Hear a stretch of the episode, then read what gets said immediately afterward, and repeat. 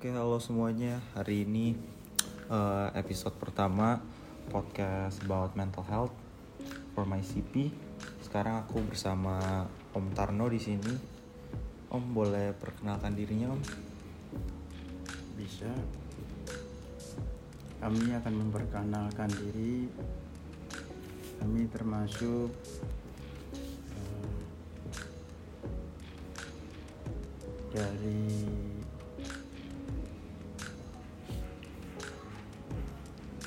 sebagian dari pembina untuk kesehatan maupun pembinaan jasmani untuk eh, dalam rangka pembinaan jasmani ini meliputi dari kesehatan mental dan fisik.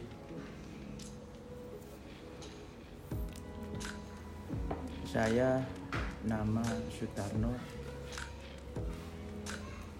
Masih berdinas aktif di TNI AL di bagian kepolisian militer angkatan laut di Jalan Bungur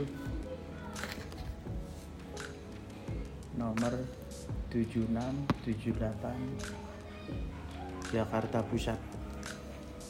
Om, kira-kira eh, penyebab penyebab anggota yang terkena gangguan kepada terhadap kesehatan mentalnya ini apa aja Om kira-kira Om? Menurut kayak selama ini Om udah berapa tahun kalau boleh tahu Om udah berdinas? Saya berdinas sudah 30 tahun. Ini selama 30 tahun nih kira-kira mungkin bisa cerita pribadi atau cerita teman rekan-rekan Om yang Om kenal. Boleh. Jadi pertama berdinas pertama masuk di TNI AL pendidikan di Surabaya selama 10 bulan setelah 10 bulan kami dapat penempatan di daerah Surabaya di Tanjung Perak di Tanjung Perak selama 9 tahun dan kami ikut pendidikan Pomal selama 4 bulan dan berdinas kembali penempatan di Jakarta sampai sekarang. Oh, selama Om berdinas kira-kira Om pernah nemuin eh, kasus tentang kesehatan mental yang gimana gitu Om atau penyebabnya? Banyak kasus-kasus tentang kesehatan mental. Kesehatan mental tergantung pada seseorang, pada tentaranya. Bila mana dia tertekan dari atasannya, mental dia akan berubah lambat laun dia akan berpikiran dan kesehatannya lemah.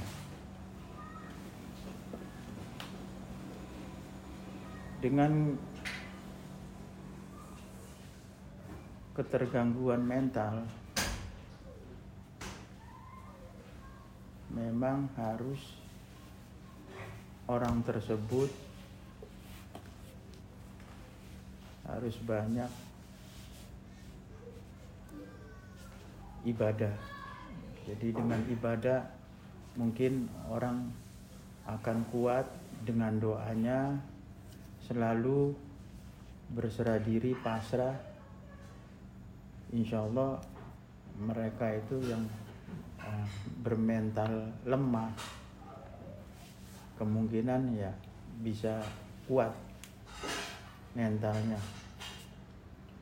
Kalau boleh tahu kayak Om pernah ngalamin atau eh, rekan-rekan Om gitu contoh kasusnya gitu misalkan kayak misalkan mereka uh, jadi depresi jadi uh, kayak nggak mau dinas lagi atau gimana itu kayak karena apa gitu? Ada rekan kita satu kantor dengan mentalnya mental lemah. Begitu dia punya masalah sedikit dan harus menjalani permasalahan itu karena mentalnya mentalnya lemah timbulnya dia tidak mikir sama keluarga tidak mikir dengan anaknya.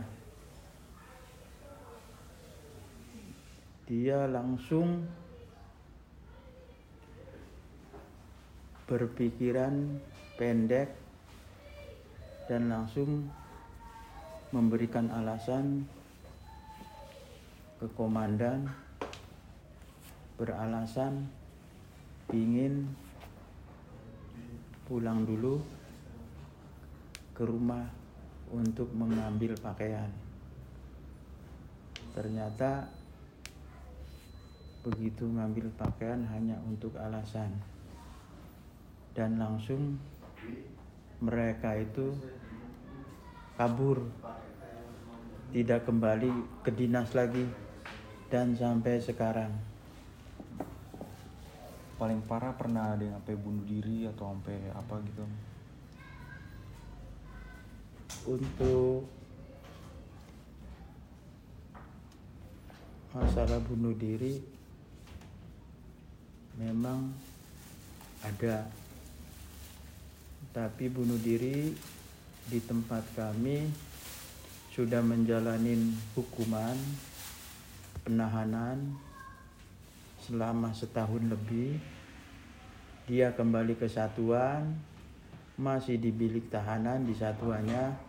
Ternyata begitu dia di tahanan, di bilik tahanan, dia pemikiran sudah pendek, begitu penjagaan melihat nengok ke tahanan ternyata sudah gantung diri hmm. gitu itu kalau boleh tahu itu penyebabnya dari internal atau eksternal itu, itu mentalnya keganggu. akibatnya memang timbul dari eksternal dan internal juga. Hmm. jadi dua-duanya itu dia tidak bisa mengendalikan. Sedangkan mental itu kalau kita uh, memang harus dibekali dengan ya, uh, dari pihak keluarga harus banyak memberikan masukan misalkan anaknya yang sudah gede maupun istrinya jadi suaminya yang di dalam tahanan bisa kuat dengan mental tersebut. Contohnya apa? Biar permasalahan ini yang sudah-sudah kita jalani. Nah, Papa di sini jaga kesehatan, makan yang teratur di sini. Kita selalu jaga-jaga anak di rumah biar anak nanti kita jaga sama mbahnya atau seperti apa itu ngasih support dari keluarganya istri maupun anak. Karena mereka di tahanan pun tidak ada yang besuk tidak ada yang jenguk. Timbulnya uh, mental dia terganggu. Timbulnya akibatnya uh, mental mental yang nggak bisa dikendalikan. Kalau boleh tahu dari Om sendiri selama ini apa Om pernah ngalamin atau apa gitu? Kalau saya sendiri banyak masalah, tapi ya memang tergantung pribadinya. Ya? Dari pribadi, mikir kerugian, mikir akibatnya kalau kita mentalnya benar-benar kecil ya timbulnya nanti korbannya ya anak dan istri. Mau izin bertanya om kalau eh, dari masalah-masalah om itu apa pernah ngeganggu kegiatan om sehari-hari? Kegiatan dinas gitu. Kegiatan dinas keganggu terhadap apa? Eh, maksudnya kayak dari masalah-masalah itu tuh ngeganggu pekerjaan om gitu sebagai tentara yang selalu harusnya diwajibkan untuk selalu tegar kayak kan menjaga padahal kayak aslinya tuh sebe- apa, om juga kayak lagi banyak masalah gitu.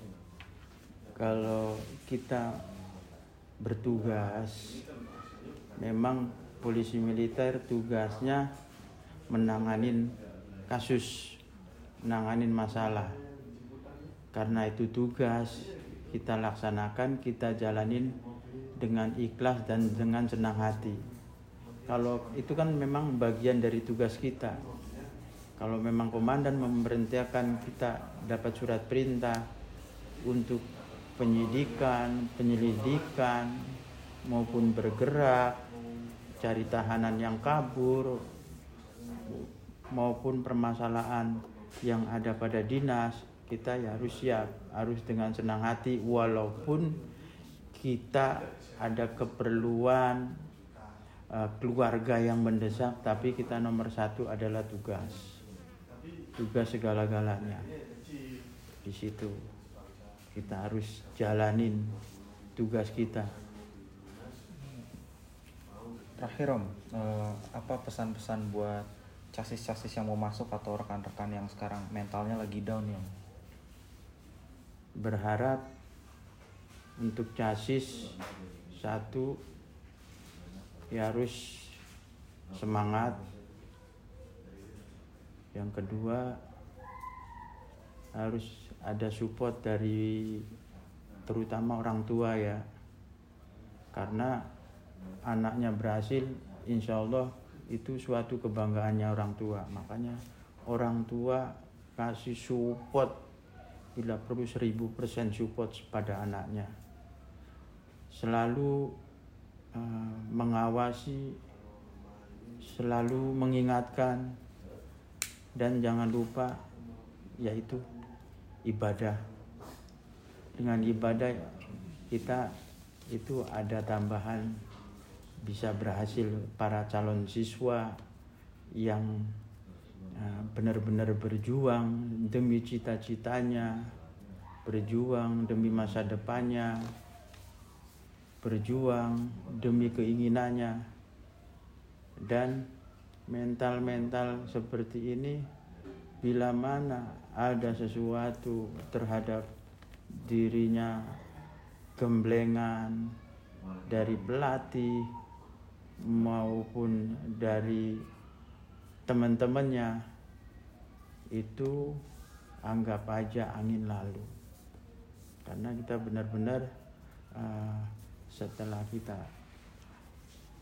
berlatih dan terpilih nantinya mental itu mental nomor satu. Kalau dari om sendiri nih om kan anak om udah jadi perwira kan udah bertugas. Apa itu dukungan apa aja yang om kasih gitu buat anak? Nah, dukungan dari kecil anak memang kita di hidup di Jakarta ya mulai menginjak SMA anak saya sangat khawatir karena kehidupan di Jakarta sangat rawan bagi anak muda anak masih siswa dengan kegiatan-kegiatan yang dilarang oleh pemerintah. Contohnya narkoba lah. Itu sangat dikhawatirkan sama orang tua. Makanya setiap anak pulang telat pulangnya kita selalu mantau, selalu telepon, selalu mengingatkan keberadaannya di mana dan anak tersebut zaman sekarang susah dinasehatin. Yang pertama, kalau sud- sudah dinasehatin uh, halus, kadang dia tidak bisa. Dinasehatin agak kasaran, contohnya membentak atau apa, malah melawan. Jadi kita sebagai orang tua agak agak agak susah gitu. Jadi pelan-pelan bertahap kita nasehatin ya. Dengan cara agama juga ya.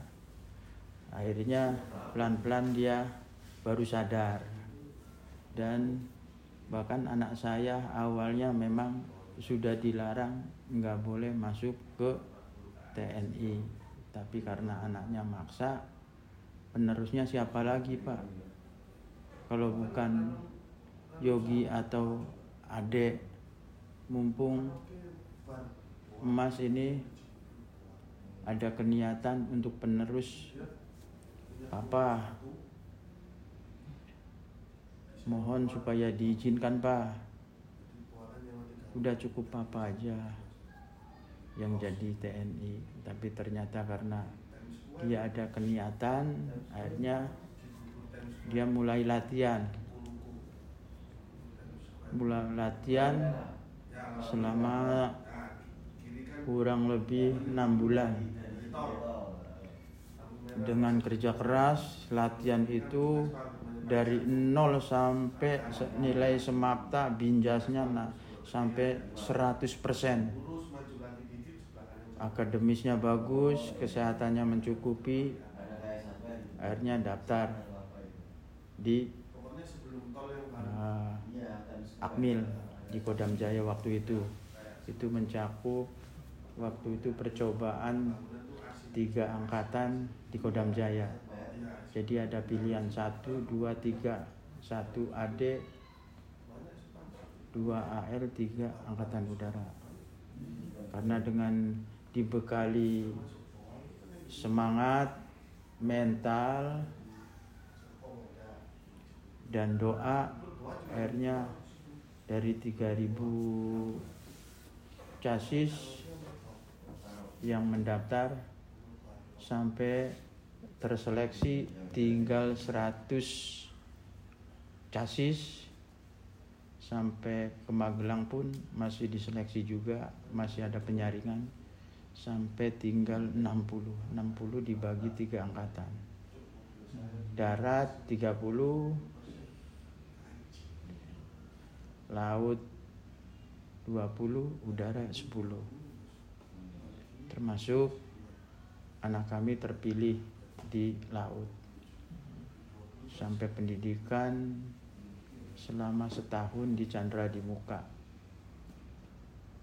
di Magelang setelah setahun selama tiga bulan ada akpolnya setelah